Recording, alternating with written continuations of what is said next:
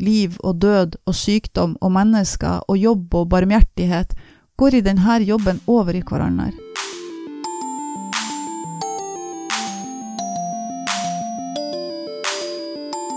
Hei, og velkommen til Sykepleiens podkast. Hva er egentlig sykepleie? I forbindelse med en spesialutgave av Sykepleien så har vi fått seks sykepleiere til å forsøke å nærme seg et svar på dette korte og kompliserte spørsmålet. Her er bidraget til Cecilie Ann Malvik Markvold, som jobber i hjemmesykepleien i Leirfjord kommune. Teksten har tittelen Samtaler på sengekanten. Jeg skulle ønske noen kunne skrive ned livshistorien min, sa den gamle pasienten, la oss kalle han A når jeg var innom for å hjelpe han med kveldsmaten. Jeg har levd lenge og opplevd mye, og jeg har ingen å fortelle det til. Veit du om noen som kunne gjort det for meg? Kunne du gjort det, kanskje? Spørsmålet kom når jeg satte meg ned ved kjøkkenbordet etter å ha smurt på noen brødskiver og gitt han medisin. Jeg måtte nesten konsentrere meg for å greie å si nei, og det var ikke grunnet manglende årsaker for uten at jeg verken hadde tid eller anledning, så ville da å ta på seg en sånn rolle i tillegg til å jobbe i hjemmesykepleien bli for vanskelig. Siden jeg er særdeles glad i å skrive, så forsto jeg imidlertid ønsket hans veldig godt. Jeg har skrevet ned deler av livshistorien til mine foreldre, og jeg har begynt på min egen. Ettersom jeg blir eldre, så innser jeg hvor viktig fortellingene våre er for oss alle. A hadde lite og ingen kontakt med sin familie. Han hadde virka litt dårligere i det siste, syns jeg, uten at jeg kunne sette fingeren på hva som var gærent. Jeg beklaga og sa at jeg ikke kunne hjelpe han. Jeg visste ikke av noen andre heller som kunne, men sa at jeg håpa det ordna seg. Noen kvelder seinere var jeg tilbake hos A, denne gangen for å hjelpe han med å legge seg. Vi pleide ikke å hjelpe til så mye, ei støttende hand kun noen gang var nok. Det hadde vært ei heftig ettermiddagsvakt, og klokka viste at jeg lå litt etter skjema. Neste oppdrag venta, men jeg kunne ikke forlate han uten videre. Det var tydelig at han ville noe. Jeg satte meg på sengekanten for å ønske han god natt. Hodet hans hvilte på puta, og han så på meg ei stund før øynene hans ble blanke. Det første jeg husker av faren min, er at han slo meg. Jeg var tre år gammel, og vi var i vedskjulet. Det gjorde så veldig, veldig vondt. Ja, ikke bare selve slaget, men det at han slo meg. Jeg glemmer det aldri. Tårene hans rant ned på puta, den gamle mannen hadde treåringens uttrykk når han fortsatte å fortelle om en ond barndom som han ikke hadde satt ord på, inntil nå. Jeg ble sein inn den kvelden for å skrive rapport. Når jeg kom tilbake på kontoret, var jeg berørt av det A hadde fortalt. Jeg hadde på følelsen at det ikke var tilfeldig at han valgte å fortelle det nå, men jeg visste bokstavelig talt ikke hvor jeg skulle plassere samtalen vår. Var den i det hele tatt sykepleie? Jeg lot være å notere hendelsen i journalsystemet. Riktignok var det ingen relevante hovedpunkter i pleieplanen der dette kunne anses som en daglig rapport, men jeg kunne skrevet et notat om det. Hvis min forsinkelse hadde skyldtes at A hadde fått et sår jeg måtte forbinde, ville jeg ha fortalt mine kollegaer om det uten å nøle. I tillegg ville jeg dokumentert det i skriftlig rapport. Sjøl om jeg følte at samtalen med A var viktig, nevnte jeg den kun i bisetning for nattevakta under den muntlige rapporten. Samtalens innhold holdt jeg for meg sjøl. Hvorfor dokumenterte jeg ikke det som hadde hendt?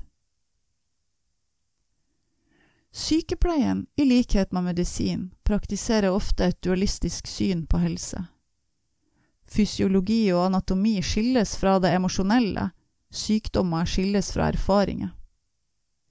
De forskjellige grunnutdanningene vektlegger sykepleieteori og naturvitenskap ulikt. Den moderne sykepleien er blitt mer instrumentell og inndelt i mange spesialiseringer for ulike sykdommer og pasientgrupper.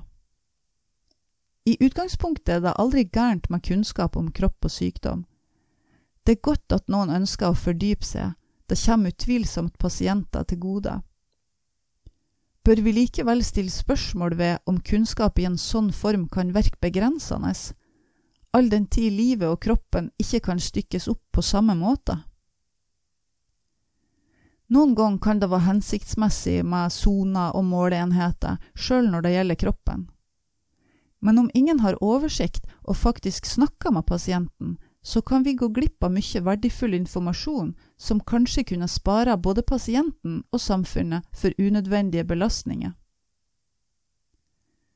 Hvordan kan vi forsøke å sikre oss at pasienter både blir snakka med og lytta til?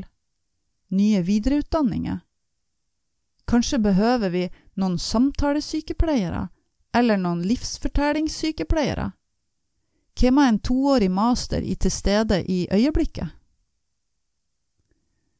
Jeg husker en pasient som kom tilbake fra et sykehusopphold grunnet lungebetennelse. Han tissa ofte om nettene når han var innlagt, og hadde noe motvillig vært hos urosykepleier på sykehuset. Med seg hjem hadde han henvisning til ultralyd og urolog.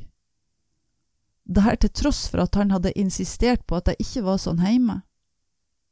Og riktignok, når han kom hjem, stoppa tissinga om natta. Jeg lå mye på sykehus som barn, fortalte han seinere. På den tida fikk ikke foreldrene være sammen med ungene sine på sykehuset, og jeg var mye engstelig. Jeg har tenkt på det nå, sier han, om det kanskje var derfor jeg tissa mye om nettene på sykehuset. Betydningsfulle øyeblikk, sånn som det med A på sengekanten, tror jeg er viktig for vår kropp og helse. Så viktige syns jeg de er at de fortjener å nevnes formelt i en rapport. Formen er jeg usikker på, men detaljert innhold trenger ikke noteres med mindre pasienten ønsker det, og det er naturlig. Jeg tror kanskje min taushet om det som hendte, skyldes at jeg synes det er uklart hvor ei sånn fortelling hører hjemme. I sykepleierjournalen, i pleieplan eller i muntlig rapport? Kun mellom pasient og sykepleier? Kanskje er det ei avveining man må ta når den dukker opp. Liv og død og sykdom og mennesker og jobb og barmhjertighet går i denne jobben over i hverandre. Sånt lar seg ikke enkelt kategorisere og plassere. Livsfortellingene våre er betydningsfulle både for sykepleien og helsevesenet ellers, enten den strenge og avgrensende rapportformen omfavner dem eller ikke. I våre livsfortellinger ligger det muligheter til helbredelse, tilgivelse og anerkjennelse. Fortellinga kan hjelpe oss til å erfare vår tilværelse som meningsfull. Når man på slutten av livet ytrer ei fortelling, så handler den ofte om forsoning. Og forsoning er en forutsetning for å gå videre med noe, eller for å avslutte noe. Relasjonene mellom mennesker, også pasienter og sykepleiere, er viktige for helsa. Det er ingen grunn til å føle at samtaler på sengekanten er en mindreverdig form for sykepleie. At noen setter seg litt ned, kan være akkurat den sykepleien en trenger, når en er gammel og syk og innhentes av livet. Det hører med til historien at A døde noen måneder seinere. Jeg veit ikke om han fikk tak i noen som skrev ned livshistorien hans, jeg tror ikke det. Men nå lever litt av fortellinga hans videre likevel, om enn på en annen måte enn han forestilte seg. Det var altså Cecilie Ann Molvik Markvold, som jobber i hjemmesykepleien i Leirfjord kommune. De fem andre bidragene vil også være å høre i podkastversjoner, eventuelt kan du lese dem på sykepleien.no eller på papir i spesialutgaven Hva er egentlig sykepleie? Om du vil høre flere episoder av Sykepleiens podkast, så finner du alle sammen via iTunes og andre steder der du finner podkaster, og via sykepleien.no. Jeg heter Ingvald Bergsagel. Vi høres.